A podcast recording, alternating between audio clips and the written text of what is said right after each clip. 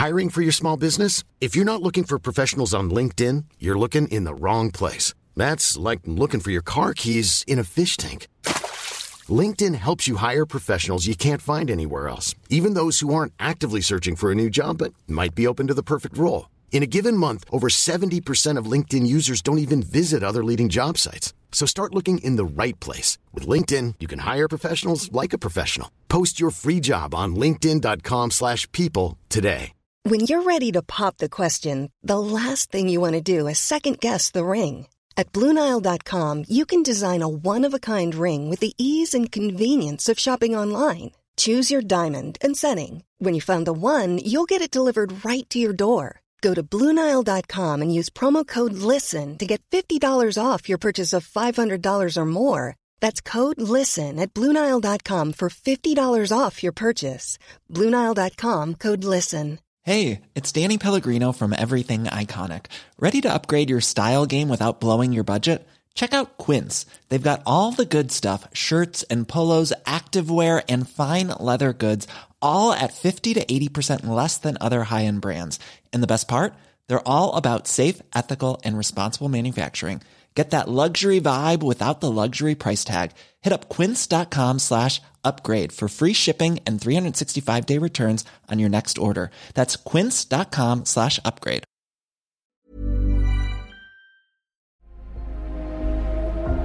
Gängkriminalitet. I vissa områden beskrivet som krig. Unga män som kallblodigt dödar varandra. Det är det blodigaste gängkriget någonsin i Sverige. Det är mellan Shottaz och Dödspatrullen i Rinkeby i nordvästra Stockholm. En konflikt som kostat tiotals liv på bara några år och en konflikt som inte ser ut att ha något slut. Samhället pratar om krafttag, hårdare straff, politiska åtgärder. Klockan tre natten till måndagen så kastade någon in en handgranat genom ett fönster i en lägenhet i bostadsområdet Biskopsgården i Göteborg. Men hur kunde det bli så här? Och en åttaårig pojke dödades av explosionen. Det här är det andra barnet som enligt polisen har blivit offer för olika kriminella gängs uppgörelser. Har samhället svikit? Men vad beror det på att just Sverige sticker ut här? Som jag sa så tror jag att vi, vi, vi hade en annan, eh, ett annat dödligt våld i Sverige förr som då har minskat.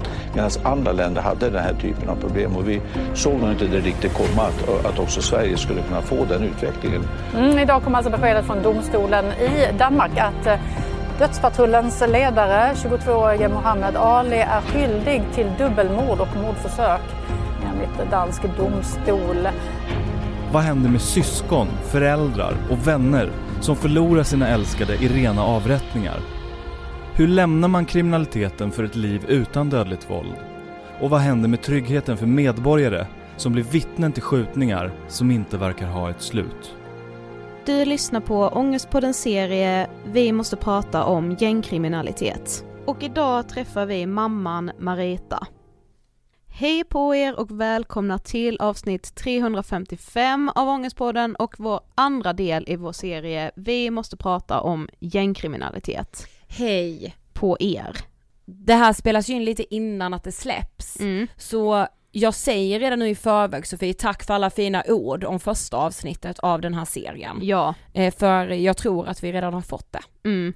Eh, dagens avsnitt är en liksom, alltså det är från en stund i våra liv som blev liksom, alltså jag finner ju inte ens ord, alltså det var så omskakande Mm. och så känslosamt. Ja men så här, ja, man ska ju typ rent mänskligt inte förstå det avgrundsdjupa mörkret. Och den här delen av poddserien är alltså mammans så, så, så viktiga del Mm. i liksom gängkriget. Att vara mamma och förlora sin son. Det är ju många mammor, framförallt mammorna är det ju man mer pratar om än papporna, Mm. som ju är ändå liksom aktiva i de här frågorna, som har skrikit på hjälp så länge. Ehm, ja, det är kvinnor som jag bara vill liksom, jag vet, jag vet inte vad jag ska säga, alltså det går ju inte att sätta sig in i deras situationer. Marita heter på Instagram The Real Marita, Marita med THA i slutet om man vill följa henne. Mm. Eh, att vi fick liksom låna en timme av hennes liv för att prata om hennes son Marley. Det, alltså jag är så evigt tacksam för det och Jag jag är så himla stolt över det här avsnittet. Men först, vi är denna veckan sponsrade av Hemmakväll och jag är så glad att Hemmakväll är med oss och gör vår podd möjlig Sofie. Och nu vill jag bara liksom ställa frågan rakt ut till Hemmakväll, men tänkte ni på oss när ni gjorde det temat som ni har just nu ute i butikerna? För nu är det ju nämligen nostalgitripp på Hemmakväll. Vi firar retrogodis på Hemmakväll under hela november. Och ni vet ju att vi är ju liksom Sveriges största nostalgiker. Jag har ett minne Mm. som är ett starkt barndomsminne för mig. När jag var liten så hade jag och pappa liksom en liten tradition. Mm. Och det var att vi körde till liksom bensinmacken som låg på vägen hem till oss. Mm. Pappa tankade, han skulle, då gick man ju in och betalade va? I liksom butiken. Och så köpte han alltid med sig en liten Rigi choklad till mig. Och den chokladen är så god, Ah, alltså. du vet den här blåa med Ja. kossan på. Mm. Rigi finns ju nu på hemmakväll. Mm. Tror du jag reser i barndom så att säga? Givet. Ja. Min barndom består väldigt mycket, alltså i den lilla byn där jag uppväxt fanns det en kiosk som var den här regelrätta godiskiosken. Ja. Alltså det var godis, tidningar, hyrfilm, det var, man tankade inte där eller någonting utan Nej. det var bara så godis. Ja. Eh, och dit brukade jag gå med min granne varje lördag och så köpte vi då en liten godispåse, alltså ni vet de här vita påsarna med lite prickar på Mm. och så la man i så tefat, de här lakritspiporna. Ah, De eh, finns nu. Kanske en liten Rigi, ehm, ja, remmar, allt så, nötkräm, nej men alltså hela paketet. Så Ja. att alltså det, jag kommer ju resa tillbaka också till min barndom när jag går och handlar. Och nu. den här vita påsen med de här liksom runda cirklarna som du pratar om. Mm. 1985 kom de Sofie. Alltså. För 1985 var året då svenskarna fick plocka sitt lösgodis för första gången. Tänk den dagen, alltså. Jag har också ett starkt barndomsminne av Trocadero, du vet. Mm. Mm. Vet du när, de, när Trocaderon kom? Nej. Trocaderon kom redan 1953. Ah. Mm. Det är ju också alla de här tuggummina som man köpte, du vet jänkan, alltså. Och också tuggummi som man tryckt ut på tub. Ja just Finns också det. nu på hemmakväll. Nej men alltså jag springer dit direkt. Eh, för det goda vidare och ta nostalgitrippen med oss och hemmakväll. Tack hemmakväll. Okej, det har blivit dags känner jag. Ja. I den här andra delen av poddserien träffar vi Marita. Hej Marita och varmt välkommen till Ångestpodden. Hej och tack så mycket. Det känns jättefint att ha dig här. Det känns fint att vara här. Bra. Eh, du ska få berätta för de som inte vet, eh, vem är du?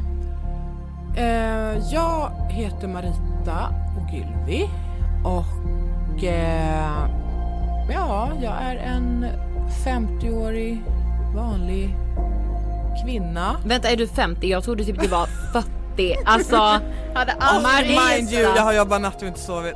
ah, du, nu blir ah, okej, att du är 50, ah, mm, okej. 50!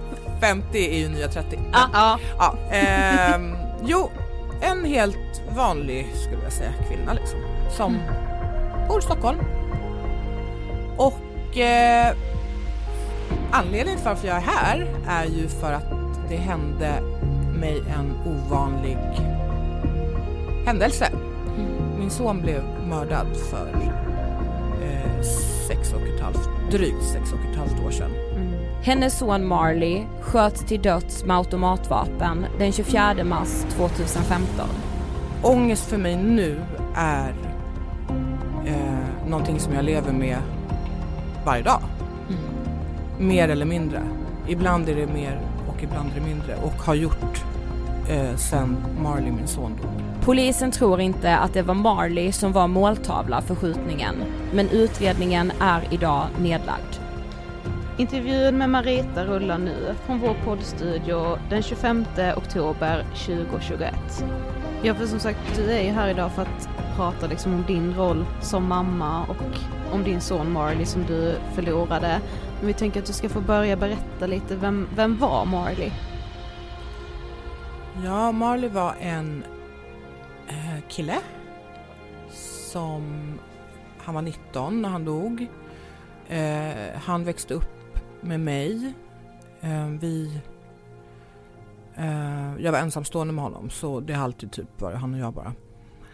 Han var en helt vanlig kille liksom.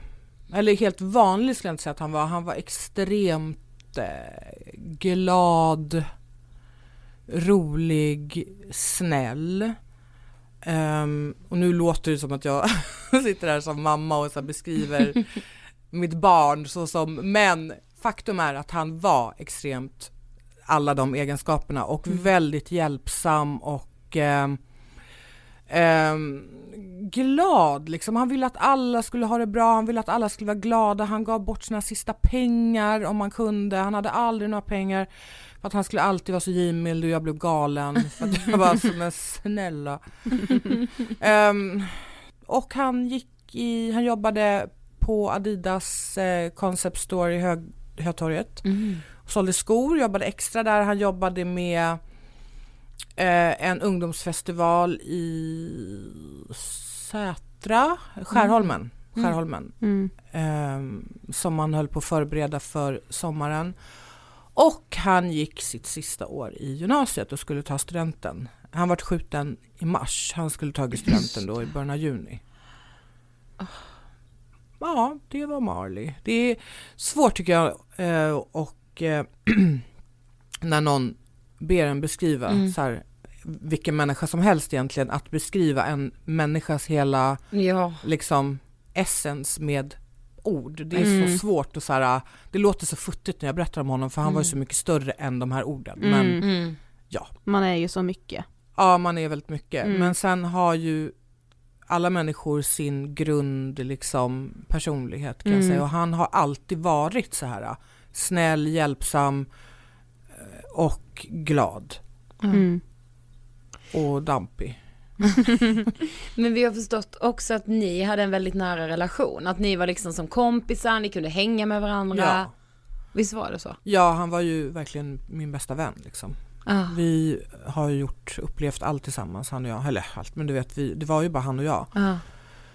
Oftast, ibland hade jag någon kortare relation men... Mm. Eh, men ni var liksom som ett team? Ja det var han och jag. Mm. Mina stackars män som jag träffade då, och då, de var lite så utomstående men...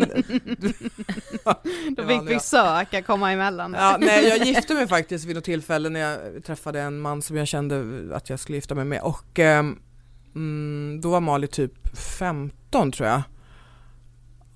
Och eh, den här mannen visade sig vara ju inte världens bästa man och det, han var väldigt våldsam och Aha. både psykiskt och fysiskt och så. Så vi var gifta kanske tre år och jag mådde väldigt, väldigt dåligt under den tiden när vi var gifta. Men Mali var ju då liksom, han var 15, 16, så var han 17 och så var han inte hemma så mycket men så såg jag mig ibland, ja, ett barn, även om jag försökte dölja för honom eh, den här destruktiva relationen för den här mannen var väldigt snäll mot Marley och Marley ja. gillade honom från början. Han var liksom inte en liksom dålig person till honom. Mm. Men han var inte snäll mot mig så eh, jag försökte dölja det för honom hela tiden men han märkte ju och såg ju, det var något tillfälle jag hade en blå tira och så här. Och ah. eh, till slut jag ville ju ta mig ur den här relationen men jag ville inte att min son skulle bli inblandad utan jag tänkte jag, jag sa till honom för han var flera gånger och sa men nu, jag kommer prata med honom nu, nu räcker det, nu räcker det. Jag bara nej, gör inte jag pratar med honom, jag löser det här själv. Och eh, till slut så sa Mali till mig så här, han bara vet du vad, nu har jag respekterat att du har sagt att du löser det här själv men jag har fått nog. Eh, antingen så kastar du ut honom eller också kommer jag göra det. Mm. Och då var jag så här, nej nej nej, då var han ja, 17, 18 tror jag till och med. Mm. Och jag bara nej, det, ja, det var liksom det jag behövde för att, och jag kastade, jag kastade ut honom, jag separerade då. Mm. och eh, det, det var ju verkligen mycket på grund av att jag gjorde det för min sons skull, för att mm. jag inte ville att han skulle ja, se mig som någon jag vet inte, jag vill inte att det var en dålig relation, jag behövde ta mig ur den. Alla människor som har varit i dåliga relationer vet att det inte alltid är helt lätt Nej, att ta sig ur. Exakt. För att man blir fast på något vis liksom. Mm. Och eh, hade det inte varit för Mali så hade jag förmodligen varit kvar i den relationen en längre period. Eh, men jag vill inte känna, eller jag vill inte att Mali skulle känna och vara så orolig för mig och känna att jag valde den dåliga relationen framför hans mående faktiskt. Mm. Och jag var också rädd att han skulle blanda sig i och det skulle bli problem. Så jag, eh, ja, separerade och skilde Mm. mig. Mm. Men vad hade Marley liksom för umgänge? Hur såg hans liv ut? Ja, han kände ju jätte, jättemycket folk för att han Mm. var extremt socialbegåvad den här pojken och eh, om jag skulle summera hans eh, umgänge och hans eh, hur jag ska förklara hans sociala liksom bredd. Mm. På hans begravning så kom det ju 700 personer Ah. och då var det allt från barn till gamla, ehm, heterosexuella, eh, homosexuella, eh, svarta, vita, eh, från alla religioner, från alla kulturer. Ehm, det var artister där. Ehm, det var eh, typ A-lagare från Farsta där. Alltså det var alla typer av människor. Mm. Och det har kommit fram folk till mig efter, ja faktiskt typ så här, vi bodde i Farsta så här, eh, de här gamla A-lagarna som har suttit i centrum i alla år. När han då kom fram och var jätteledsen och beklagade sorgen och Mali var alltid så trevlig och tog sig tid och pratade och så han kände typ alla typer av människor. Mm. Och eh, han var väldigt bra på att se människor och få människor att känna som att de blev lyssnade på och sedda. Mm. Ehm, så sådana människor tycker man ju om liksom. Han var Mm. väldigt lätt att tycka om. Ehm, men ja, så, alltså i väldigt många år, vi bodde ju i Farsta i, ja men liksom 20, 23 år, alltså hela hans liv. Ja. Eller jag, ja, han bodde där i 19 år, för han dog när han var 19, men jag bodde där några år senare. Ehm, och eh, hela den tiden när vi var yngre, då hade han ju alla sina kompisar från Farsta och han hade både tjej och killkompisar och så. Men när han blev 17, började gymnasiet typ, ja, 16, 17, då började han Ja men han hade ett släkt som bodde i Vårberg så han började umgås med folk där ute, fick nya kompisar. Och helt ärligt talat, när han, var, han var ju 19 när han dog så jag hade inte alls någon jättestor koll på Nej. hans umgängeskrets. Nej. Alltså jag, jag kände några nya Mm. kompisar, jag kände hans gamla kompisar och så kände jag några av hans nya kompisar. Men eh, jag menar, man vet ju själv när man var nästan 20, Ja. ens liv är ju väldigt mycket mer än ens mamma. Ja, Ja. Och man uppdaterar ju inte så, nu har jag två nya kompisar Nej, och nu ska vi exakt. träffa, man, in, Nej, alltså, man introducerar ju inte eh, sina kompisar för ens föräldrar på samma Nej. sätt som när man är liten. Och i liksom. ärlighetens namn var jag inte jätteintresserad av Nej. hans kompisar heller. Nej. För att jag sa, jaha okej ja. Det jag vet att han ville liksom. gärna säga, ja det här är, ja okej ja. För han hade så mycket vänner så Ja, jag orkade kan liksom inte lägga alla på minnet. Nej, Nej. nej, verkligen inte. Men ja, han umgicks ju framförallt med människor i förorten liksom. Mm. I förorterna. I alla förorter, många förorter hade han vänner. Mm. Minns du dagen då Marley blev skjuten? Ja, den minns jag. Eh, jag hade varit och ridit islandshästar och kom hem och kände mig jätterisig och sjuk och hade ont i halsen. Och gick och la mig. Det var en måndag. Söndagen, på kvällen innan var ju en söndag. Då gick jag och Mali och köpte indisk mat och käkade hemma. Och jag upplevde Mali som väldigt stressad och han låg liksom och han var så frånvarande och låg och liksom i, i våran eh, kökssoffa och pratade inte så mycket. Han var så konstig, jag vet inte. Han Mm. betedde sig märkligt. Eh, och jag sa till honom så här, jag, jag vet inte, jag brukar aldrig, det är inte det att jag, jag brukade säga det jätteofta när han var liten, men kanske inte så alltid när han blev äldre. Men av någon anledning så var jag så här, Mali, han bara, vad är det mamma? Jag bara, jag älskar dig så mycket. Mm. Alltså jag älskar verkligen dig. Han bara, ja mamma jag vet. Jag älskar dig också. Och så var han så stressad. Jag bara, ah, ja. Och så gick han till skolan på morgonen, sa väl hej då. Och eh, jag åkte iväg och red. Och eh, kom hem och var sjuk som sagt. Och då hade han, jag vet inte om han hade ringt mig eller skrivit att han skulle hjälpa sin farmor att tvätta i Vårberg. Och eh, han eh, skulle, hon, tvättstugan var till sju så han skulle komma hem då efter sju.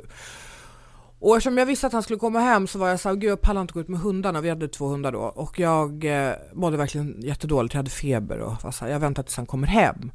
Men han kom liksom inte hem och så skriver han till mig, ja men jag måste åka och träffa en kompis, eh, men jag, jag kommer snart. Jag bara, men, för, för Mali var ju väldigt han, han, var väldigt omtänksam generellt men han var väldigt omtänksam när det gällde mig. Mm. Alltså han släppte allt för mig, alltså verkligen. Hans mm. mamma var liksom hans allt. Mm.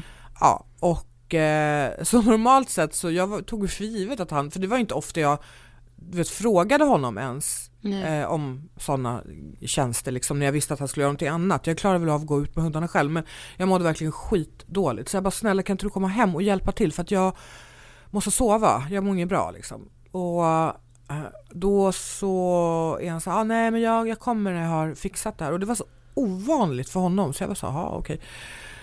Och ja, han skulle träffa upp en kompis och göra någonting. Um, men sen så, ja, så gick tiden och klockan blev senare och senare och till slut så gick jag ut med hundarna själv för att de var tvungna att gå ut och jag tänkte jag går och lägger mig för natten.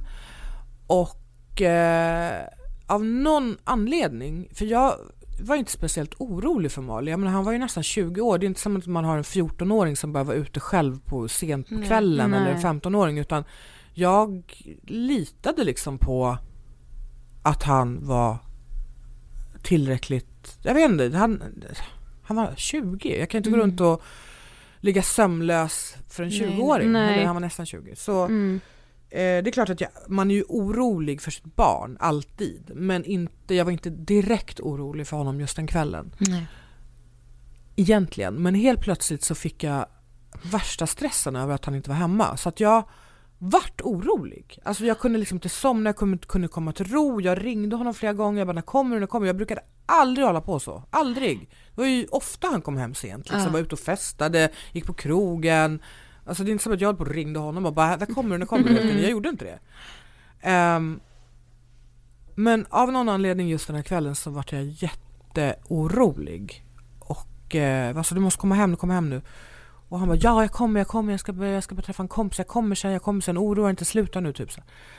Ja och sen så eh, tror jag att jag smsade honom typ efter tolv någon gång och eh, skrev så här surt sms typ. Jag bara, men har inte du skola imorgon? Varför kommer du så sent för? Har inte du skola imorgon? Och då svarade han mig, jo, eh, jo det har jag. Jag kommer vakna, oroa dig inte. Och sen så somnade jag, drömde att han var med i en bilolycka och sov så här skittaskigt och så ringer min telefon och då är det hans pappa som ringer, alltså det här kanske var 20 minuter senare. Och eh, säger att Malin har blivit skjuten. Sittandes i en bil eh, i passagerarsätet med en kompis som eh, var från Vårberg också. Där Mali befann sig. Då var de i Vårbygård. Men eh, mm. Så Mali satt i passagerarsätet och han blev skjuten. Det var någon som sköt mot bilen. Eh, polisen tror att eh, måltavlan var den killen som Mali satt i bilen med. Och de sköt väl med ett automatvapen så Mali var skjuten träffad av en kula i bakhuvudet. Ja, och sen så kom Malis pappa och hans kompis och hämtade mig. Vi åkte till sjukhuset. Sen, alltså efter jag fick det samtalet så är ju allting en enda stor röra för mig mm. faktiskt. Alltså jag jag kommer ju ihåg såklart vad som hände men ja. samtidigt så kommer jag också ihåg att, att det, det, var som att jag hamnade i en, en så här bubbla. Ja. Som jag hörde typ ingenting. Det pep jättehögt i mina öron Mm. och jag uppfattade liksom inte min omgivning riktigt. Jag hörde vad folk sa men jag fattade typ inte. Det var, ja, jag har aldrig varit med om, det är ju det som händer när man hamnar i chock. Mm. Och jag har ju aldrig varit i chock förut. Och det är ju väldigt speciellt. Jag har läst om chock och sånt förut Mm. och jag bara, gud jag fattar inte vad som händer när man hamnar i chock. Varför, vadå, varför är det så farligt liksom? Mm. Men tydligen är det en ganska farlig eh, eh, tillstånd kan det ju vara. Mm. Och jag, Mali hade då blivit flyttad från Huddinge med helikopter till eh, Karolinska så vi åkte, när vi kom fram till Huddinge då, jag trodde ju egentligen att Mali, för jag ringde en kompis och bara Mali har blivit skjuten, jag måste gå ut med hundarna för att jag vet inte hur långt det här kommer ta. Men jag antar att det tar lång tid för han har tydligen blivit skjuten i huvudet. Så frågade jag henne, jag bara tror du att det är allvarligt nu när han är skjuten i huvudet? Det är väl inte, det behöver inte allvarligt? Hon nej, det behöver det inte vara, det kanske bara snuddat, det är absolut ingenting som säger att det är så allvarligt. Mm. Ja, nej tänkte jag, det är säkert inte så allvarligt. Men jag tänkte så, ah, jag måste ändå gå ut med hundarna och gick ut med dem.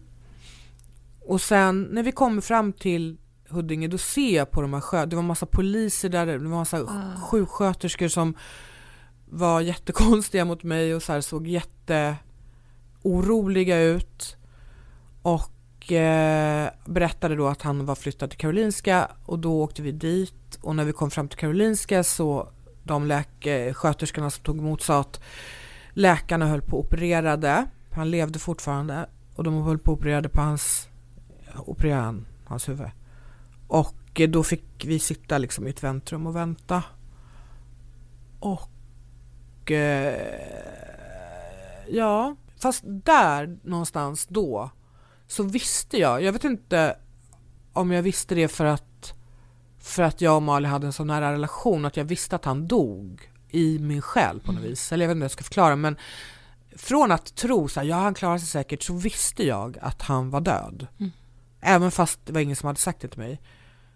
Och jag sa det till min kompis också som satt med mig i väntrummet i det här lilla rummet där vi satt där poliser kom in och skulle fråga massa saker och sköterskor och så här.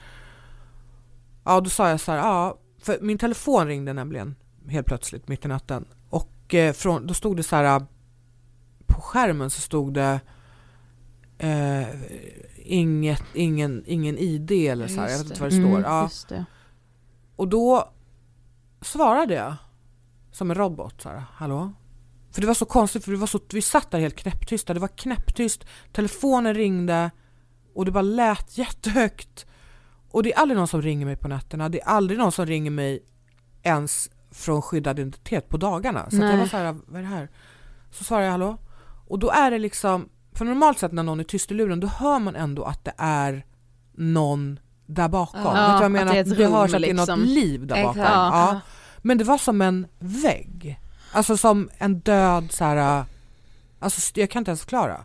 Helt stum. Ja, Alltså liksom. helt stumt, det Ja. fanns inget liv. Jag bara hallå, hallå, inget svar. Och så kollade jag på min kompis och jag bara nu dog han. Gud. Ja. Och hon bara nej varför säger du så för de håller ju på att operera på honom. Och jag bara därför att jag vet att han dog. Mm. Ehm, ja och sen så, och därifrån så var jag så här. Jag, jag, hade liksom, jag hade inte accepterat det kanske men, men jag hade inte heller något hopp om att han skulle överleva. Så eh, när vi kom upp, när de hade opererat klart, för jag försökte fråga sköterskorna hela tiden hur det gick och så, de bara, den enda som kan svara på det är läkarna som opererar, du måste vänta tills de kommer. Så vi eh, satt och väntade där och sen så till slut så kom de till oss och sa, men nu kan ni få komma upp på avdelningen där han ligger på NIVA. För han, eh, ja, då låg han i respirator. Och eh, ja, vi gick upp dit och då var klockan kanske fyra på morgonen eller fem. Fyra, ja något sånt, fem.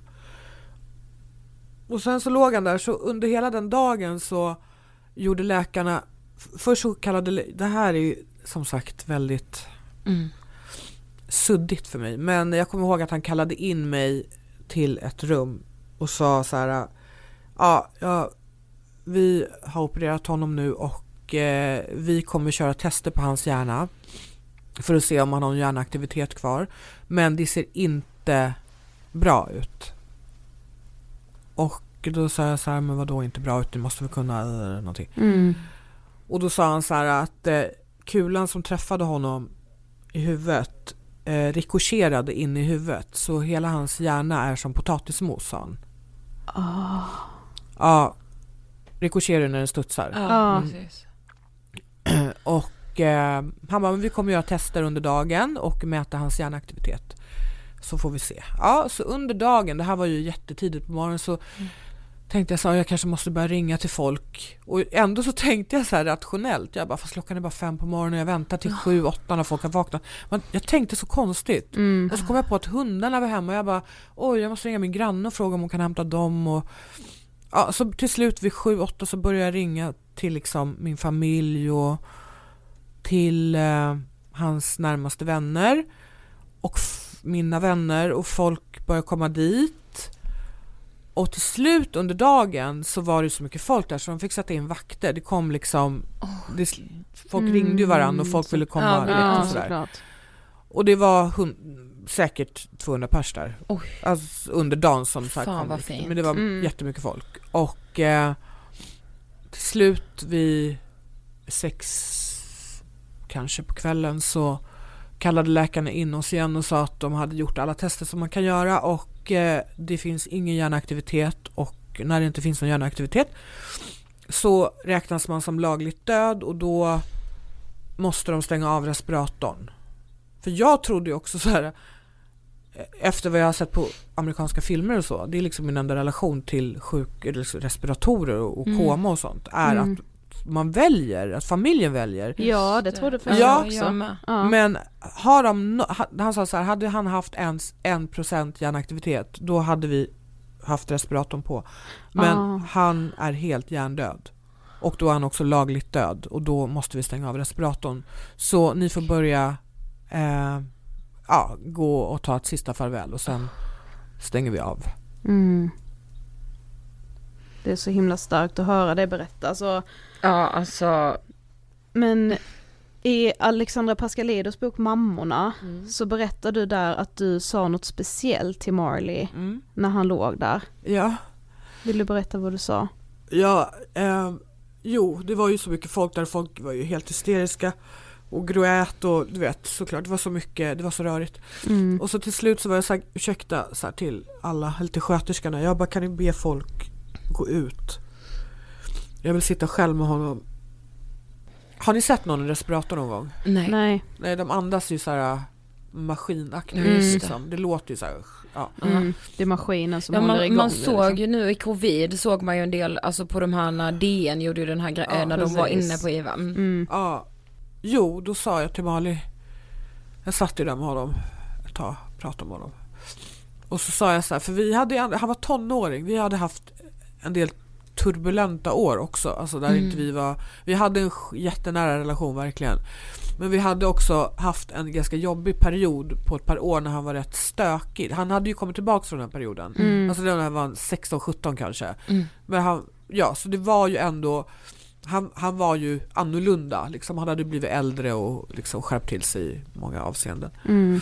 Men eh, mm, vi hade fortfarande en del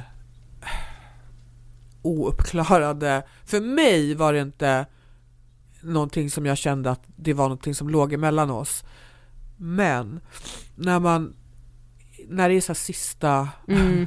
när någon dör, Mm. då är det liksom sista chansen att säga vissa saker. Det är då man bara kommer på alla de sakerna. Ja, och då så sa jag till honom så här eh, att jag förlåter dig för allting. För jag vet att han har dåligt samvete över vissa saker han hade betett sig på liksom under Mm. åren.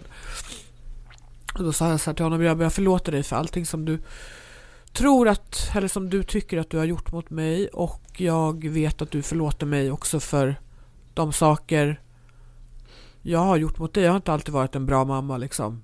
Absolut inte. Mm. Ja men du vet, det är alltid saker som man har dåligt samvete över som förälder. Uh, heller en bra mamma har jag varit men inte en perfekt mamma skulle jag säga. ja, så det var det. Och sen så sa jag till sköterskan att jag ville stanna när de skulle stänga av respiratorn. Mm. Men då så sa hon att eh, hon tyckte inte att det var någon bra idé för att det är ganska traumatiskt för att kroppen börjar så skaka och ja, man bajsar på sig och sådana saker. Mm. Och då sa jag, okej, då sa hon så jag tycker du ska eh, låta oss göra det. Och då gjorde jag det och det, har jag, det ångrar jag så mycket för att jag Ah. borde verkligen inte jag tror ju att han redan var död, att hans själ redan hade lämnat hans kropp men ändå liksom, jag borde varit kvar. Men, Mm. Ja, och sen så när de hade stängt av respiratorn så när jag kom tillbaks in i rummet så hade de ju tänt ljus och kopplat bort respiratorn. Och eh, då låg han där. Eh, och jag kommer ihåg att jag fick panik över att hans bröstkorg inte rörde sig längre, att han inte andades. Alltså jag fick verkligen så här, det var som att jag själv typ inte kunde andas. Mm. För att han, du vet, det bara var helt död, still. Jag ville typ ta tag i honom och så här, ruska honom och typ göra konstgjord andning. Och... Men ja, så var han död. Alltså det är så här, man söker liksom ord att säga. Mm. Men liksom den här närmsta tiden efter, det måste ha varit helt ofattbart. Ja, alltså det sjuka är att jag, jag kommer ju nog inte ihåg för att Nej. jag, kommer, ju- jag, vet, jag vet ju att jag var där och så men det jag kommer ihåg är att vi åkte hem och att det kom hem massa folk till mig och att jag eh, typ bara var, vad folk har berättat för mig i efterhand för att jag hade mina kompisar och min familj och så mina kompisar turades om och sova över hos mig. De hade typ ett rullande schema. De tog ledigt från jobbet, alltså i flera Mm, veckor. Eller fint. turades om att ta ledigt Ah. bara för att liksom laga all mat, hjälpte mig betala räkningar, gick ut med hundarna. Eh, och eh, sov hos mig. För att jag var i, tydligen i så dåligt skick så att jag eh, eh, de vågade inte lämna mig själv. Jag fick inte ens Nej. gå på toaletten själv utan eh, jag fick inte låsa dörren. Mm. För att de var så oroliga att jag skulle ta livet av mig. Mm. Och eh, jag kommer liksom inte ihåg. Alltså jag vet bara att jag var så, liksom, ja jag vet inte. Jag vet bara att det var folk där och att jag var helt avstängd. Mm. Men folk har berättat, för det var någon gång när jag pratade med en tjejkompis till mig och så sa jag så här, jag beskrev någon annan kvinna jag träffade på för ett tag sedan som hade förlorat sitt barn och hon slutade gå och hon slutade äta och hon slutade prata. Och då, när jag berättade det här för henne då var jag så här, gud det är så hemskt för att hon, ja men bla bla bla liksom. Och då kollade hon på mig hon bara, men det var ju likadant med dig. Jag bara, va? Ja du åt inte och pratade inte och kunde typ inte gå. Jag bara, jaha, det kommer inte jag ihåg. Nej. Även så här har folk berättat för mig om sjukhuset, när vi var på sjukhuset. Så ja, men kommer du ihåg när jag sa det här till dig? Eller att jag kommer inte ihåg vilka som var där, jag kommer inte ihåg vad folk sa till mig. Eh, någon berättade för mig att det värsta skriket de någonsin har hört var när jag gick in till Malin när han var död, när de har stängt av respiratorn. Att det var någon slags avgrundsvrål som den personen aldrig någonsin har hört förut. Och det kommer inte jag ihåg. Alltså jag kommer inte ihåg att jag skrek. Jag kommer inte ihåg någonting. Nej. Men eh, ja, tiden, första tiden, eh, alltså jag tror att det var två veckor mellan han dog till begravningen. Det gick ju åt till mycket så här praktiska, Ah.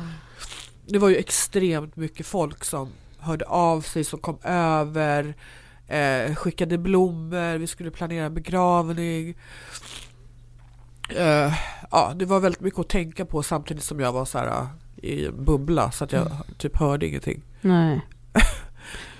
Men du fick ju väldigt mycket stöd från dina vänner och så, men Ja. fick du något slags stöd från samhället? Eller Nej. liksom, vad hände i samhällsapparaten? Ingenting. Det var bara helt tyst. Ja, ingenting.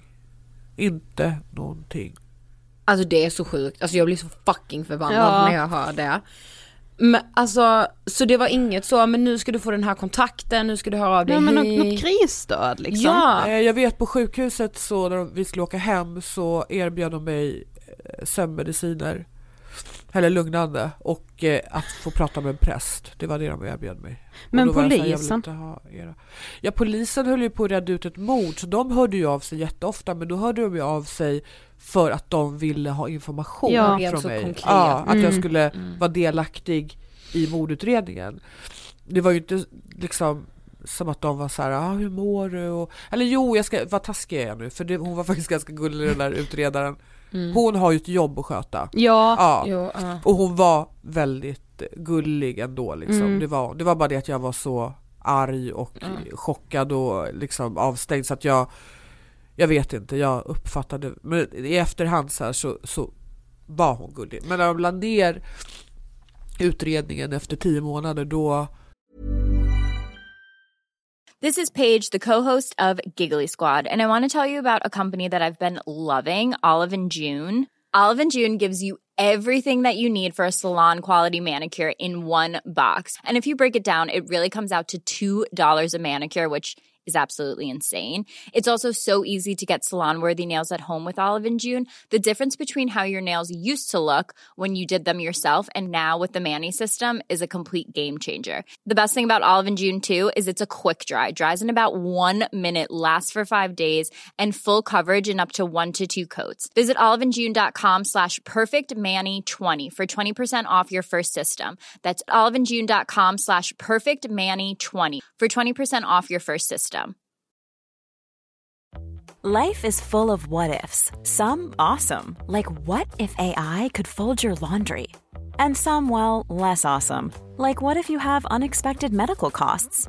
United Healthcare can help get you covered with Health Protector Guard fixed indemnity insurance plans. They supplement your primary plan to help you manage out of pocket costs. No deductibles, no enrollment periods, and especially no more what ifs. Visit uh1.com to find the Health Protector Guard plan for you. Hey Dave. Yeah, Randy. Since we founded Bombus, we've always said our socks, underwear, and t shirts are super soft. Any new ideas? Maybe sublimely soft. Or disgustingly cozy? Wait, what? I got it. Bombus. Absurdly comfortable essentials for yourself And for those facing homelessness. because one purchased equals one donated. Wow, did we just write an ad? Yes. Bombas. Big comfort for everyone. Go to bombas.com slash ACAST and use code ACAST for 20% off your first purchase. Hörde jag ju aldrig mer något från någon. Tio månader är väldigt kort tid liksom. Mm. Jag har ju knappt börjat sörja. Mm. Och jag kommer ihåg dagen innan, eh, dagen innan eh, begravningen så fick jag ångestattack. Ja, liksom, för att jag, ja, ja. pani, riktig panikångest. Och då åkte vi in till eh, Sankt Göran psykakuten, min, min Mm. kompis körde dit mig för att jag ville prata med läkare för att försöka få någon slags lugnande inför begravningen. Begravningen, ja. Och eh, då... Så, så jag tyckte själv att jag mådde, att jag var så här... Alltså, jag säger inte att jag mådde bra, men jag tyckte inte att jag var eh, konstig. Nej. Jag tyckte att jag var vanlig. Mm. Ja. Och så den här läkaren pratade med mig och så säger han så ah, vet du vad, jag ska gå och prata med min kollega så kommer jag tillbaks. Och så kom han tillbaks efter en stund och så sa han så här, Marita, du har av någon anledning en fördröjd chockreaktion. Och vi vill inte släppa iväg dig utan vi vill att du stannar kvar här på Sankt Göran. Vi vill att du lägger in dig för att vi vågar inte släppa iväg dig. Och jag var så här, va? Jag, jag är inte chockad. Jag, jag måste ju på min sons begravning imorgon. Det är lugnt. Jag vill bara ha lite, lite lugnande. Mm. Eh, och så fick jag ju panik över att jag kanske skulle, jag vet inte om jag skulle bli tvångsinlagd. Så jag bara Mm. övertygade honom. Jag bara lyssna, jag, det är okej med mig. Jag måste gå på min sons begravning, Mm. okej? Men om du vill kan jag komma tillbaks efter, jag kan ligga här ett år om du vill. Det är inte det som är problemet. Jag måste, jag kan inte missa min sons begravning. Mm. Jag kan inte det. Jag lovar att det är okej med mig. Ja. Så. Men vad kan du tänka att du liksom hade behövt från samhällets håll? Alltså egentligen så känner inte jag att jag behövde så mycket från samhället för att jag hade jättemycket stöd Mm, ja, från mina ja. vänner. Eh, plus att jag, eh, eh, någon av mina vänner hittade, hjälp, de hjälpte ju mig väldigt mycket med, jag Mm. behövde inte göra någonting själv, de hittade en sån här grupp eh, som heter Vi som har förlorat våra barn. Ja. Och då fick jag en kontaktperson där som jag kunde ringa och prata med när jag fick, som hade också förlorat sin dotter för ja, tio år tidigare. Liksom. Eh, och sen så gick ju jag till en psykolog för att jag var sjukskriven i två och ett halvt år nämligen. Mm. Eh, jag fick diagnosen posttraumatisk stress. Mm. Eh, och eh, hon, då gick, det var inte jättebra, det, det var det här vanliga landstinget, Ja. du vet man går Mm. till, ja, det, psykhälsan liksom, D- den Mm. var inte superbra faktiskt om jag ska vara ärlig. För Nej. de, de, för det första var det här nästan sju år sedan, det var Mm. inte nu vet jag inte hur det är, men de, det var ju inte vanligt att folk fick sina barn skjutna Nej. då. Nej. Ja, och de kunde liksom inte hantera det här. De var så här, ja vi vet typ inte. Mm. De körde sitt vanliga som de Precis. liksom, ja. Men till slut så eh, kollade jag upp med min försäkring och då visade det sig att jag på min, via min försäkring hade kris och traumaterapi timmar. Så då började jag gå vi, till dem som var experter på kris och trauma. Så jag fick ju allt det där. äh, Nu säger inte jag heller att det kanske var hjälpte mig. Alltså så här. Det finns ingen som kan egentligen hjälpa dig att komma över ditt barns Nej, död. nej. Liksom. Mm. Det måste du göra själv. Mm. Du och typ Gud, om man nu Mm. tror på Gud. Alltså Mm. det, det är en större grej än vad någon Det finns ingen som kan hjälpa dig. Nej.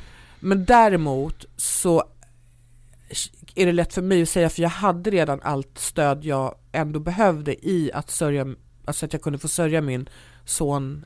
Liksom jag fick vara sjukskriven två och ett Mm. halvt år. Det är ju inte heller jättevanligt för jag Nej. förstår att jag har sett i den här gruppen, eh, vi som förlorar våra barngruppen, så är det ju många som har förlorat sina barn och sen tvingas börja jobba efter tre månader Ja, och det, sådana är så, saker. det är så omänskligt. Ja, och jag är ju väldigt, väldigt glad och tacksam att Försäkringskassan lät mig eh, vara liksom. Ja. Och till slut, det, det, jag fick ju vara sjukskriven tills jag kände själv att jag nu, jag, jag är inte sjuk och, och jag sörjer inte liksom mer eller mindre om jag går till jobbet eller inte. Jag, jag mår inte bättre av att vara hemma. Tills Nej. jag kom till den punkten när jag själv kände att jag ville börja jobba. Mm. Och då ringde jag till min, den här försäkringskassedamen och eh, sa det till henne att jag ville Mm. börja jobba. Och hon bara ja men okej Sara. Och så sa jag till henne så här, jag bara du jag vill bara tacka dig för att eh, jag har fått vara sjukskriven så här länge för det är ju verkligen inte jättevanligt alltså i dagens Sverige. Och då sa hon så här till mig, hon bara jag ska vara ärlig mot dig. Eh, jag fick upp din akt flera gånger i högen eh, och varje gång jag fick upp den så la jag den längst ner.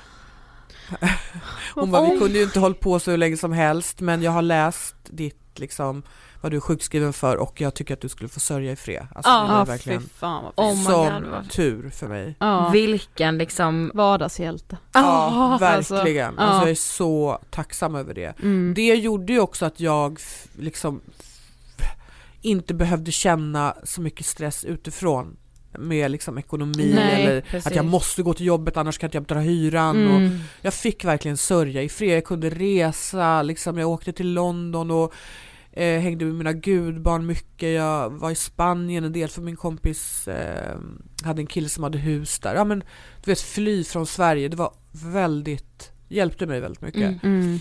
Ehm, men med det sagt så hade jag inte haft min familj och mina vänner och Nej. en försäkring som hjälpte mig och att jag fick vara sjukskriven då hade jag behövt ett enormt stöd från samhället. Ja. Mm. Det krävs ju också att man har det och det är inte alla Exakt. människor som Nej. har. Nej. Nej. Nej men jag tänker också så här, just med att, att jag frågade om polisen gjorde någonting, jag menar inte heller att deras uppgift är inte att trösta, de ska ju först och främst lägga tid på att försöka reda ut mordet. Mm. Men jag tänker ändå att det borde vara så per automatik att om man har varit med om något så traumatiskt så borde det finnas liksom, ja men jag vet inte, något, något slags krispaket som ändå gör att man blir slussad vidare på något 100%. sätt. Så att om man i alla fall kan stämma av, har du vänner som kan hjälpa dig, har du försäkring, Precis. kommer du liksom klara av att bo kvar där du bor, alltså mer, 100 procent. ja, Det är... Du, du, eh, efter ett par år kanske in i efter Mali hade dött så började jag engagera mig i de här frågorna. Mm. Var, jag klarade inte det i början men Eh, jag och en annan kvinna som jag har lärt känna eh, som också är med i Alexandra Pascalidous bok. Mm. Jag lärde känna henne via den boken. Mm. Hon heter Karo Sinnasal och hennes två barn blev skjutna Akalla Just det. ett år efter Mali, eller ett halvår efter Mali faktiskt. Robin och eh, som dog och Alejandro som hamnade i rullstol. Och eh, hon och jag har faktiskt vi nå- när det var den här skjutningen i Sätra, de här två pojkarna som satt i en källare som hade blivit skjutna. Mm. Då åkte vi till Sätra, vi gick hem till mammorna. eh, Du vet så här, och då, de fick inte hjälp någonstans ifrån. Det här var ju flera år efter våra barn blev skjutna. Mm. Ingen hjälp alls. Och vi har ju tagit upp det ganska mycket i olika debatter och eh, Karo har ganska mycket kontakt med politiker. Vi har pratat liksom att det måste finnas ett system Precis. för de här föräldrarna. Vet ni, jag träffade faktiskt något år efter Malin hade blivit skjuten så åkte jag taxi och då, åkte, då bodde jag i Farsta så jag åkte på Nynäsvägen, då åker man förbi eh, Skogskyrkogården Mm. och i höjd med min sons grav så frågar den här taxichauffören mig så här, har du barn? Så här, jag bara, ja fast han ligger där och så pekade jag för vi åkte precis förbi Mm. och då kollade han på mig så här. Han bara, vad hände honom? Jag bara, han blev skjuten. Han bara, mina två pojkar också. Ja, jag bara, av detta. vad sa du? Mm. Då visade det sig att han var från Rinkeby. Hans två söner blev skjutna på den här pizzerian. Och jag bara, men va? Jag bara, var... Jag bara, var är de på pizzerian? För det hade liksom ganska nyligen Ja. hänt. Mm. Och han bara, ja. Och då frågade jag honom Alltså, så här, jag det bara, har du fått någon hjälp, något stöd? Har du Mm. liksom, vet du vad du ska vända dig, försäkring? Han bara, ingen. Jag vet inte var jag ska vända mig någonstans. Och det är också... och så där satt han och knegade på liksom. Ja, Alltså- och körde sin taxi liksom. Ja, fy fan Och alltså. också du vet, jag har ju också privilegiet att ha bott här hela mitt liv. Jag Mm. har ett nätverk, jag vet hur saker och ting funkar, Mm. jag vet mina rättigheter. Mm. Ja men du vet, så att det är ju enklare för mig. Ja. Eh, jag fick faktiskt också ett samtal, inte ett samtal, jag fick eh, en eh, meddelandeförfrågan på Messenger för någon månad sedan. En tjej som jag inte känner, en ung tjej som har skrivit så här, hej eh, Marita, skulle jag kunna få ringa dig? Typ så här, kan, kan jag behöver prata med dig? Och då skrev jag tillbaka, så jag bara, ja det kan du, vad gäller det typ? Och då ringer hon upp mig via Messenger och är helt hysterisk. Då har hennes lillebror blivit skjuten, hon var också från Järva. Och hon är liksom helt så här. Hon bara, jag ville bara, jag visste inte vad jag skulle vända mig och jag har, vet ju, jag har sett dig typ i tidningarna och sånt så att jag tänkte bara ringa dig och fråga hur du har klarat av det, vad du har gjort för att överleva. Mm. Hon bara, för min mamma får jag typ, hon är helt förstörd, hon går liksom bara ligger. Hon bara, jag kan inte sova på nätterna, jag har självmordstankar, jag vill inte leva längre. Jag, eh, hon hade vänt sig till vårdcentralen för att få liksom hjälp från psykiatrin där. Mm. Och då hade de sagt att de inte tyckte att hon behövde någon hjälp. Förlåt? Ja. Hon bara, jag vet inte vad jag ska göra för folk orkar ju inte heller. Mår man sitt sämsta, vilket man gör när någon i ens familj har blivit mördad, Mm. då måste det finnas ett system som hjälper en. Man ska Ja! inte behöva kriga för att typ få hjälp med att sova på nätterna. Nej. Eller självmordstankar. Alltså att vara, att vara i den liksom helt, helt, helt sinnessjuka situationen Ja. Mm. och att ha förlorat någon på det brutala sättet. Alltså hur ska man finna ork att så navigera i ett sjukvårdssystem? Nej. Alltså det är helt... Det är faktiskt jättesjukt. Och jag och Mm. Karro, vi bokade för något år sedan ett möte med eh, han som är chef för Rädda Barnen Ah. och erbjöd oss att typ nu håll- håller ju vi ändå på med det här, Mm. alltså frivilligt för att vi Precis. vill göra någon förändring. Ja. Mm. Erbjöd oss våra tjänster, alltså, kan inte ni typ anställa oss så kan vi sätta ihop något paket, åka runt till föräldrar som har förlorat sina barn, förklara för dem var de ska vända sig någonstans, hjälpa till att gå till vårdcentralen, Mm. alltså vara deras kontakt i allt det här. Och han var såhär, ja nej, det var liksom inte så jätteintressant. Men jag tror inte man har velat se det här som den krisen det ju faktiskt är och alltså hur det har pågått i så många år utan Nej. att det har uppmärksammats någonting. Nej. Fast det lustiga är att för ett år sedan i somras, eh, så alltså för ett och ett halvt år sedan, Ja. då ringde SVT eller om det var eh, Dagens Nyheter, SVT tror jag det var, Ja. mig och var så här, hej! Eh, vi undrar om du skulle kunna ställa upp på en intervju eh, angående det här nya eh, anhörigstödet som socialborgarrådet Jan Jönsson har eh, kommit ut med och sagt att, att socialen ska ha hand om när det gäller anhöriga till, till mördade liksom. Mm. och skjutna i förorterna och så här. Och jag bara, vilket då? Va? Jag fattar ingenting. Jag bara, ja vi vill, jag bara, vad vill ni fråga mig? För jag vet ingenting om det, så vad är det ni vill fråga? Ja, vi tänkte bara, eh, inte kanske fråga så mycket om det, utan bara mer intervjua dig vad du fick för hjälp och så här, och vad du hade velat ha för hjälp. Jaha, ja det kan vi väl säga. Så kom de hem till mig och så, jag visste fortfarande inte vad det här var för någonting som, så förklarade de för mig. Så, ja, jo, Eh, socialborgarrådet Jan Jönsson har lovat nu, i, kommit ut i media med att socialen ska eh, ha hand om eh, anhörigstödet. Det ska gå liksom under deras så här, roll. Ja. Ja. De ska inte få mera pengar för det, utan det ska gå, ingå i deras ekonomi. Mm. Och eh, ja, och då var jag så här, "Jaha, okej, ja men ja, det är väl bra att de gör någonting tänkte jag. Då, vad hade, hade du velat haft, jag hade inte velat haft hjälp av socialen om Mm. inte de har tagit in, eh, alltså hyrt in experter på kris och trauma. Exakt. Jag vill inte sitta med en socialtjänst Nej, som bara person. har fått ännu en uppgift Ja, i knät. som har gått liksom. eh, socionomprogrammet och Mm. sen ska ha hand om en sån känslig sak Mm. som anhöriga Mm. till mördade. Mm. Nej. Nej. Det kan ju få folk att... Eh, Må ännu sämre. Ja, ja det exakt. kan bli så Man, fel. det, och det är också helt sjukt hur vi, alltså hur samhället då hanterar de här kriserna, trauman, psykiatriska chockreaktioner. Mm. Vi måste ha specialister till det. Ja, ja och pengar. det är livsfarligt. Folk Ja! kan ta livet av sig om Mm. man inte får rätt vård i sådana eh, skeden liksom när det är som värst, Mm. största krisen. Men det lustiga är att det var det, det var den intervjun och jag var, ja okej, inget mer med det. Mm. Han, det stod i tidningen och allting. Eh, sen ett år senare när den här tjejen ringde mig, ett år senare, Mm. Då kom jag på när jag pratade med henne, jag bara men just det, det ska ju finnas anhörigstöd. Det Ja. har ju de ändå gått ut i tidningen och lovat. Jag bara, det är, Just ja. det. Så jag bara, vet du vad, jag återkommer till dig, jag ska ringa till socialen och prata med dem och se vad de kan göra. Mm. Så jag ringer till socialtjänsten i eh, Järva, Mm. för hon bodde i Järva den här tjejen. Och eh, var så här, när jag kommer till växeln, jag bara hej kan ni koppla mig till anhörigstöd för våldsdödade? Eh, vadå? Jo, eh, jag, bara, jag kan ta fram artikeln här och läsa läsa. innantill. Eh, socialborgarrådet, jag gör så bla bla bla bla bla, det kommer börja gälla från det och det datumet. Ja men det var rätt länge sedan nu så att, eh, kan ni Vad bara koppla mig dit? Ja. Nej det vet inte vi vad det är. Vill att, jag kan koppla dig till eh, anhörigstöd för våld i nära relationer. Men jag det var inte det jag nej, sa. alltså det här är inte en tjej som blir misshandlad av sin kille utan hennes lillebror har blivit mördad, skjuten. Mm. Kan ni bara koppla mig till dit jag ska bli kopplad?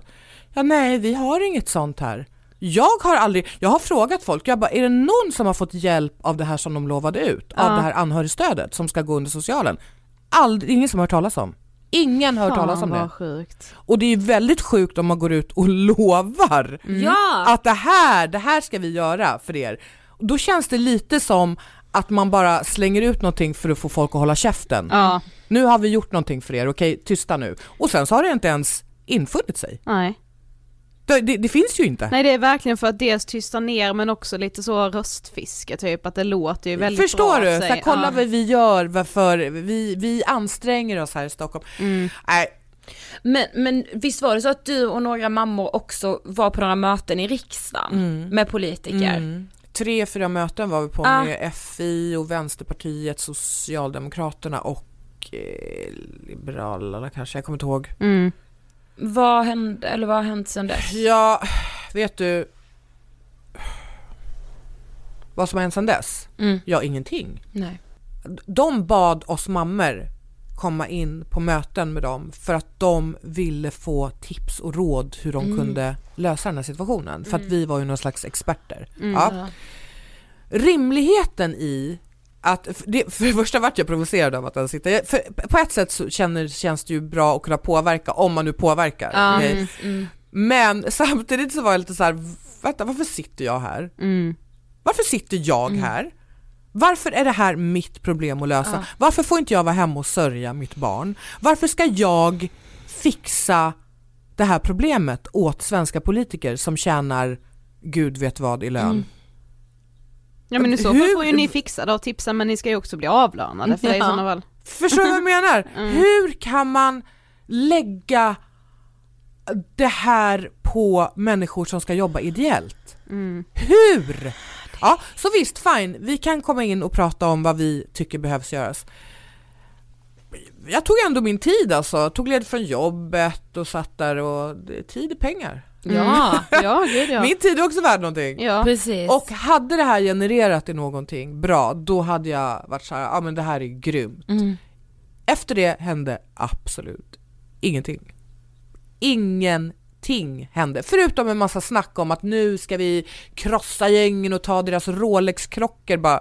Nej det var ingenting som vi sa att ni skulle göra men okej. Ja. Det, det är ju liksom det här att fiska röster på människoliv, jag tycker det är lite äckligt om jag ska vara ärlig. Mm. Eh, istället för att verkligen göra någonting långsiktigt från båda hållen, både för att förebygga och åt andra hållet så måste man ju också se till att folk kommer bort från gatan. Det kan inte finnas någon rimlighet i att man inte får ett ordentligt straff när man bördar folk. Det, Nej. är, det är inte, vad är det för samhälle? Mm.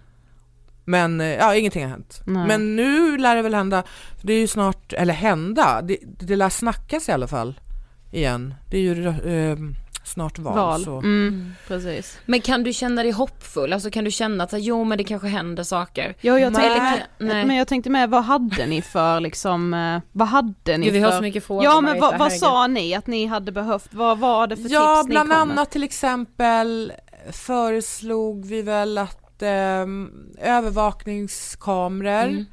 eh, mera eh, Mm. så att man kan liksom åtminstone som anhörig efter ett mord, jag säger inte att det eh, hindrar mord men däremot så kan man ju sätta dit någon för mordet. Exakt. Ja, för det var mycket snack om hur man kan eh, lösa de här fallen, för det är ju bara 30% av de här fallen som blir lösta, det är Mm. 70% som är olösta mordfall, vilket är helt sinnessjukt. Mm.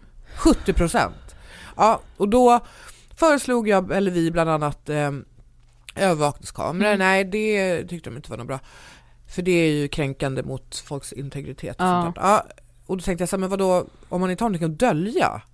Så tänker jag med. Det är väl bara för tryggheten? Synligare poliser, områdespoliser som har en relation i sina områden med människor.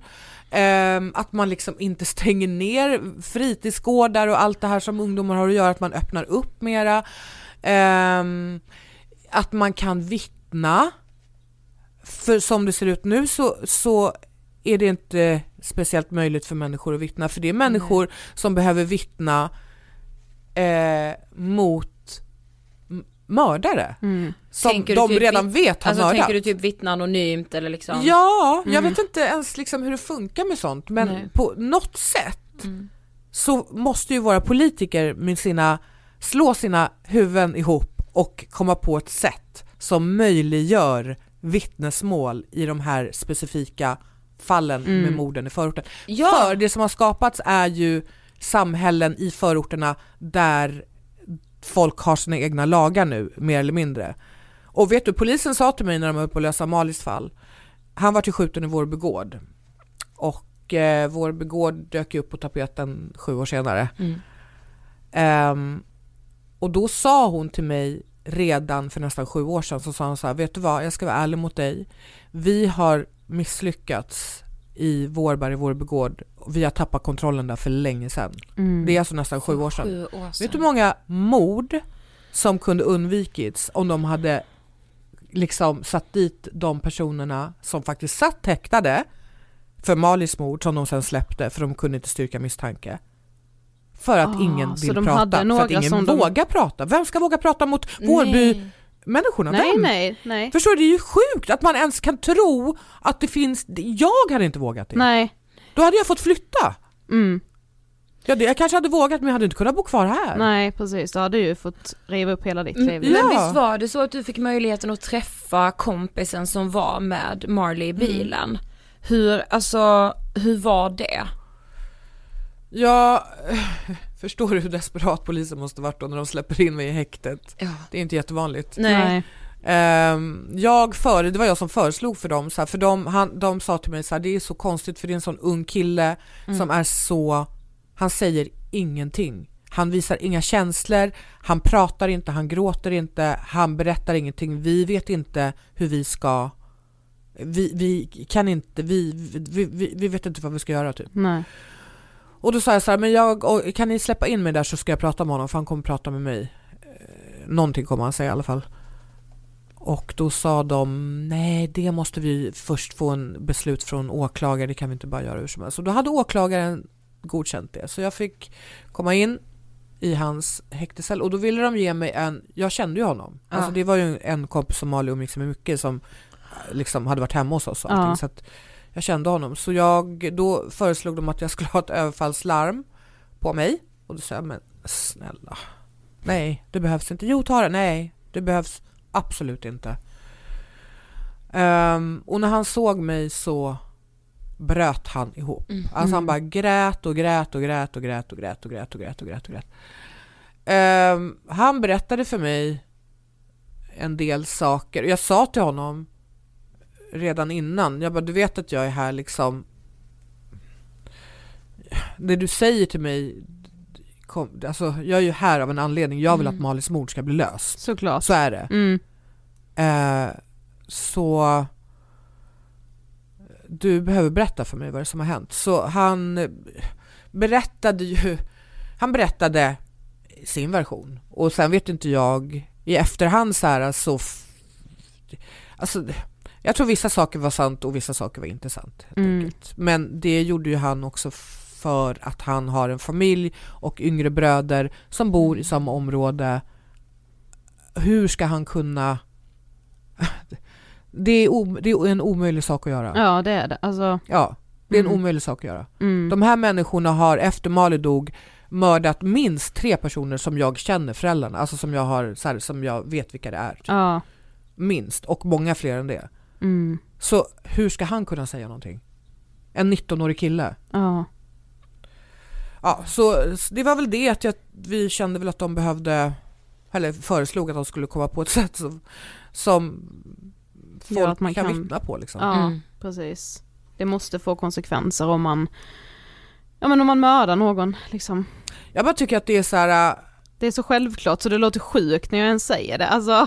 Det, det är jättesjukt Ja. att det inte är, jag vet, ibland så känns det som att jag är i någon så här psykos, att det är någon konstig film som spelas upp och jag är i en film där, jag vet inte. Mm. För hur kan Sverige vara ett samhälle där våra politiker sju år senare, efter min son dog, sju år senare fortfarande är i exakt samma situation Ja. där de började för sju år sedan. Ingenting och, och jag, ibland hör jag ju dem på nyheterna, politiker, när de pratar och så säger de så här Ja, ja men det här med gängskjutningen, vad tycker ni? Ja nej, vi är nöjda, vi har gjort det här och det här, vi är nöjda. Vad är det? Nöjda? Kan man säga att man, nej. Nöjda med vad då? Ja, att det ja. skjuts ännu mera folk? Vad Ja, är ni nöjda över? Mm. Barn liksom. Ja. Alltså jag, jag fattar ingenting. Hur kan man vara nöjd som politiker med det som händer i Sverige nu? Exakt. Hur är man nöjd med sitt jobb? Jag hade fan avgått. Ja. Jag hade bara, jag är inte, det är inte meningen att jag ska vara politiker. För att jag kan inte sköta ett land. Nej, jag blir så fucking förbannad alltså. Ja. Med, all jävla med all rätt. rätt. Och nu också när de faktiskt har tagit fram ett sätt att eh, få lite bukt med det här, som, det här Mm. sluta skjut-projektet. Mm. Då vill inte polisen i Stockholm ha det projektet. De vill först göra en utvärdering på det de håller på med nu, som uppenbarligen inte funkar. Nej. Nej men det ska utredas I så två mycket hit och- år? Ja. Nej men det finns ju inte tid för det. Nej men speciellt inte när människor dör samtidigt. Nej men förstår Så du? Ska ni köra en utvärdering och riskera ännu fler barns och ungdomars och liksom unga killars och tjejers liv? Ja, man är, måste det, är ju- det det ni vill göra? Ja precis. Nu! Exakt. Jag förstår att man måste göra utredningar och sånt också och utvärderingar, men man måste kunna göra undantag Ja! när, det, när folk dör, för det känns så Alltså det är en otroligt, kris ja det känns som vi oss otroligt i. onödigt. Och jag läste någon artikel där det var någon som hade uttalat sig om det var någon politiker eller någon polis eller vad fasiken det var som trodde att det låg prestige i det här nu. Att polisen säger en sak och politikern säger någon annan sak. Okej. Att det, det ligger ju- något och då jag bara så här, prestige? Prestige? Är det det ni vill göra nu? Mm. Prestige? Oh Ja, du vet.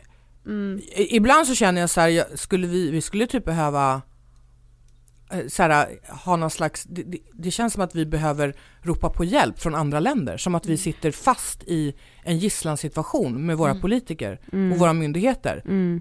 Mm. Där vi får vinka så här fl- hjälpflaggor, bara hallå, kan någon komma och rädda oss här? Mm. FN, någon, Mm. våra barn dör och våra politiker skiter i. Mm.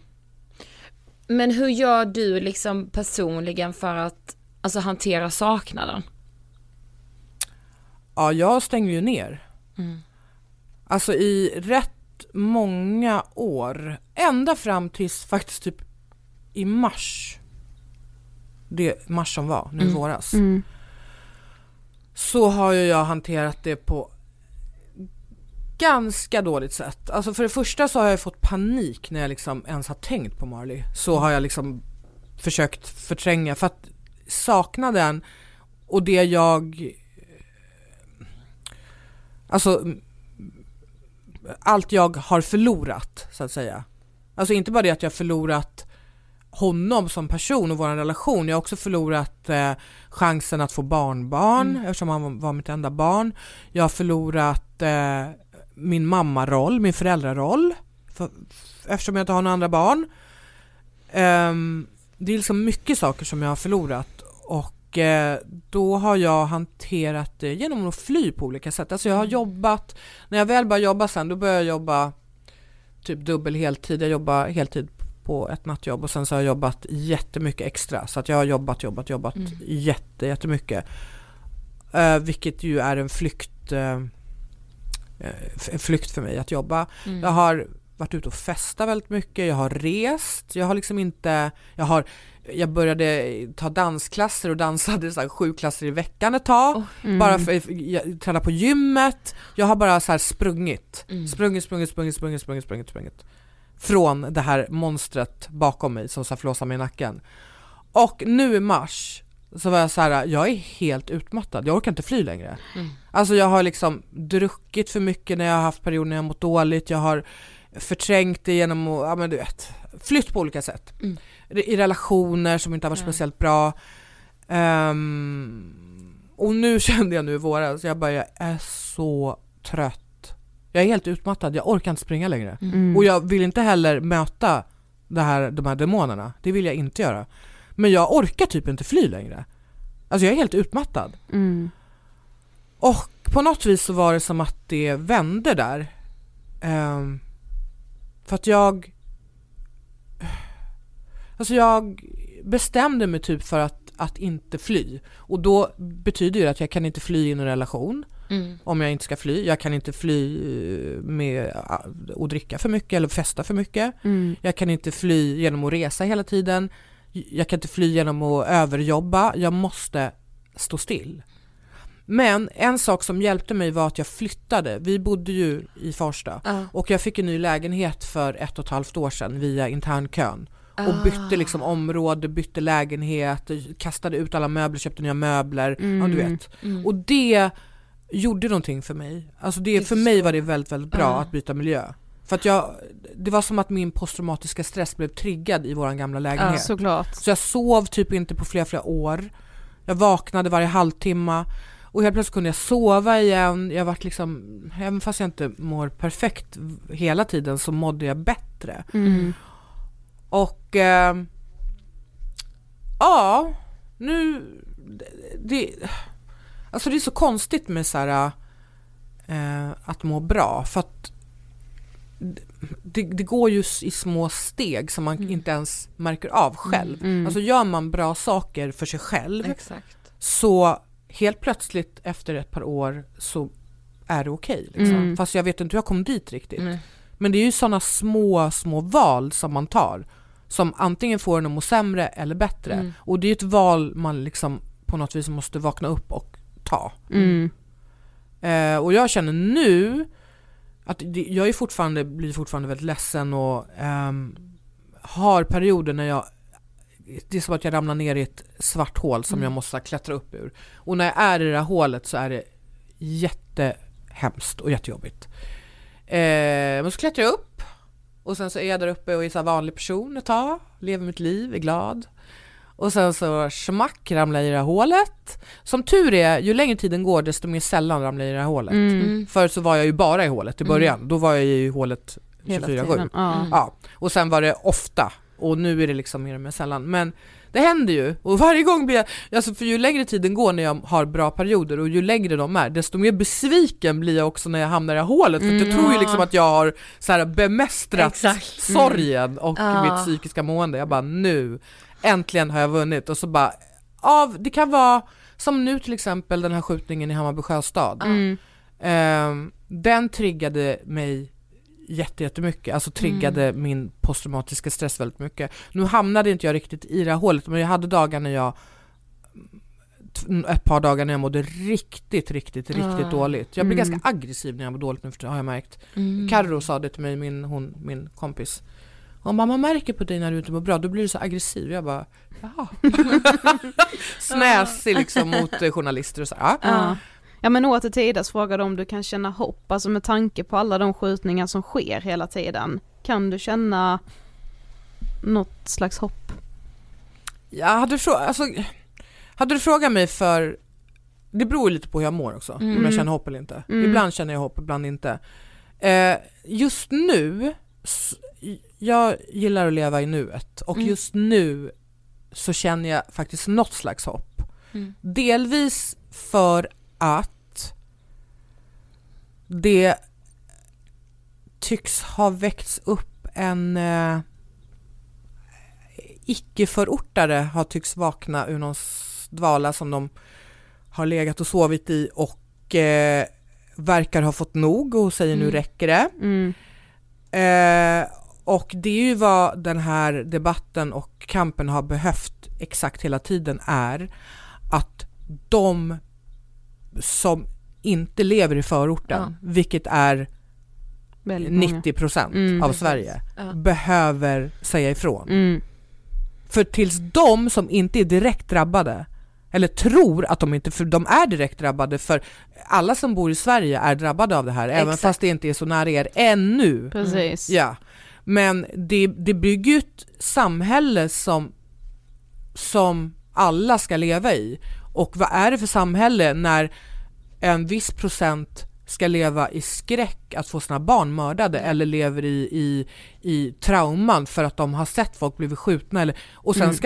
En del av Sverige vara så här Oh, nu sitter vi och pratar om våra tapeter och kollar på Let's Dance och myser lite och bara bla bla bla. Det är ju helt sinnessjukt. Ja, det och det som irriterar mig är att jag vet inte vad som har hänt med, med svenskar. För förr då var ju folk så här ändå solidariska med varandra. Det fanns en solidaritet, att man liksom ställde upp för varandra och så här. Men nu är det som att den är borta. Mm. För händer det inte mig så är det skitsamma mm, typ. Ja. Mm. Men eftersom att det känns som att många fler har börjat liksom vakna upp så känner jag något slags hopp och det har ju också skrivits mycket, mycket, mycket mera nu i tidningarna. Mm. Det har blivit en annan typ av debatt det känns som att politikerna får ännu mer press på sig mm. nu. Och då känner jag hopp för att eh, de kanske gör någonting till slut. Mm. Okej, vi har kommit till sista frågan. Alltså Marita, jag är så berörd. Mm. Att du har varit här är otroligt. Men vad inspirerar dig i livet? Eh, det som inspirerar mig och det som får mig att orka är att jag känner att jag måste eh, använda den plattformen jag blir given på grund av min sons mord till att försöka göra en förändring. Eh, jag hade inte kunnat leva med mig själv om jag hade fått chansen att kunna göra en förändring och sen inte tagit den. Även om jag tycker att det är jobbigt periodvis för att jag skulle också bara vilja sörja för, för i slutändan så i sju års tid snart så har jag pratat om Mm. mitt trauma på olika sätt i bok, den finns på pjäs, den finns i intervjuer, den finns överallt på poddar och så. Och det tar ju någonting av mig varje gång Såklart. som Mm. jag pratar om det här. Men jag tror ju att någon gång, jag tror förändring tar ju förmodligen tid. Nu har inte vi jättemycket tid kvar här i Sverige för det har gått lång tid. Mm. Men eh, jag tror ju att det kommer hända någonting. Alltså det måste göra. Och sen så blir jag ju inspirerad av andra människor som kämpar liksom för det här. Som Carro inspirerar mig till exempel. Hon kämpar ju mycket, mycket mer än vad jag gör. Hon är ju outtröttlig. Hon bara kör. Jag måste ju ta pauser för att jag blir ju aggressiv som hon säger så att jag behöver äh, tydligen backa då och då och vila upp mig. Men eh, ja, det, jag blir inspirerad av alla de här äh, eldsjälarna. Nu gillar inte jag det ordet riktigt för att det är så här, åh du är en eldsjäl, Ja. fantastiskt. Då rider vi på det här gratis i samhället. Mm. Dig ska vi inte betala för du är en eldsjäl. Ja. Nej, nej, du nej. brinner för det här. Ja. Ja. Men om vi nu säger eldsjälar så Ja. blir jag inspirerad av det. Mm. Tack så jättemycket för att du ville gästa Ångestpodden. Ja, tack själva. Tack. Tack för att du har lyssnat. Vi vill gärna höra dina tankar. Skriv ett meddelande till oss på Instagram där vi heter Angestpodden. Podplay.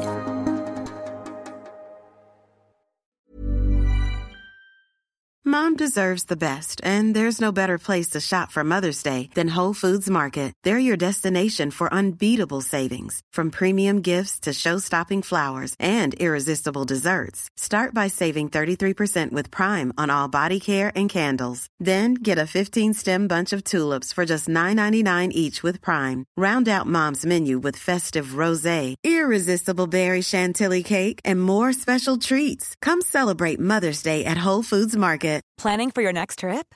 Elevate your travel style with Quince. Quince has all the jet setting essentials you'll want for your next getaway, like European linen, premium luggage options, buttery soft Italian leather bags, and so much more. And is all priced at 50 to 80% less than similar brands. Plus, Quince only works with factories that use safe and ethical manufacturing practices. Pack your bags with high-quality essentials you'll be wearing for vacations to come with Quince. Go to quince.com slash pack for free shipping and 365-day returns. Imagine the softest sheets you've ever felt. Now imagine them getting even softer over time. That's what you'll feel with Bowl and Branch's organic cotton sheets. In a recent customer survey, 96% replied that Bowl and Branch sheets get softer with every wash. Start getting your best night's sleep in these sheets that get softer and softer for years to come. Try their sheets with a 30-night guarantee. Plus, get 15% off your first order at bowlandbranch.com. Code BUTTERY. Exclusions apply. See site for details.